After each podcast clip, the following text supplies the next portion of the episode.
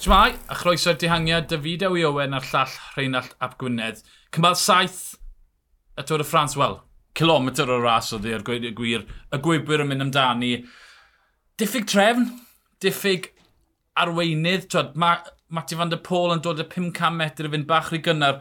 Phillips yn oedi oedi, Cavendish bron ennill, ond Phillips yn y cyfle yma, er mae yna far cwestiwn am y diweddglo yna. Ie, yeah, gwiro, uh, taro mewn i Biniam Girmau, na Philipson um, ac ar ôl y cymal cynta wybio lle oedd na fa'r cwestiwn ychydig uh, rhwngddo fe a, a Wout Van Aert, falle bydd y comisars yn cael golwg fach ar hwnna gawn ni weld. di ni ddim wedi gweld y cynlyniad go iawn eto, um, ond fe ddeiffi yn y man. Dwi'n credu dylai cael ei dwlu mas yma, achos bod e wedi wneud ar e y blaen.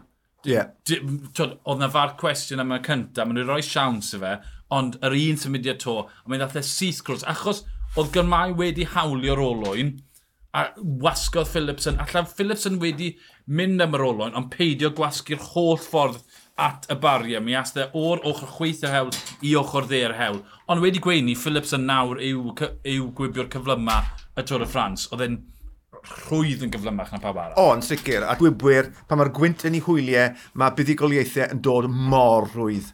Ie. Yeah. Cymal 8, maen nhw'n mynd mewn i ganol Ffrainc. Mae'n Benny Limoges, be maen nhw'n golygu yw hewlydd trwm, mae e yn y tymerydd yn dringo 35 gradd Celsius. Mae yna dringo yn y diwedd, wel, dim dringo, ond mae e ychydig bach rei gael i'r gwybwyr. Ydy'r peloton yn mynd i weithio neu gael ei dihangiad?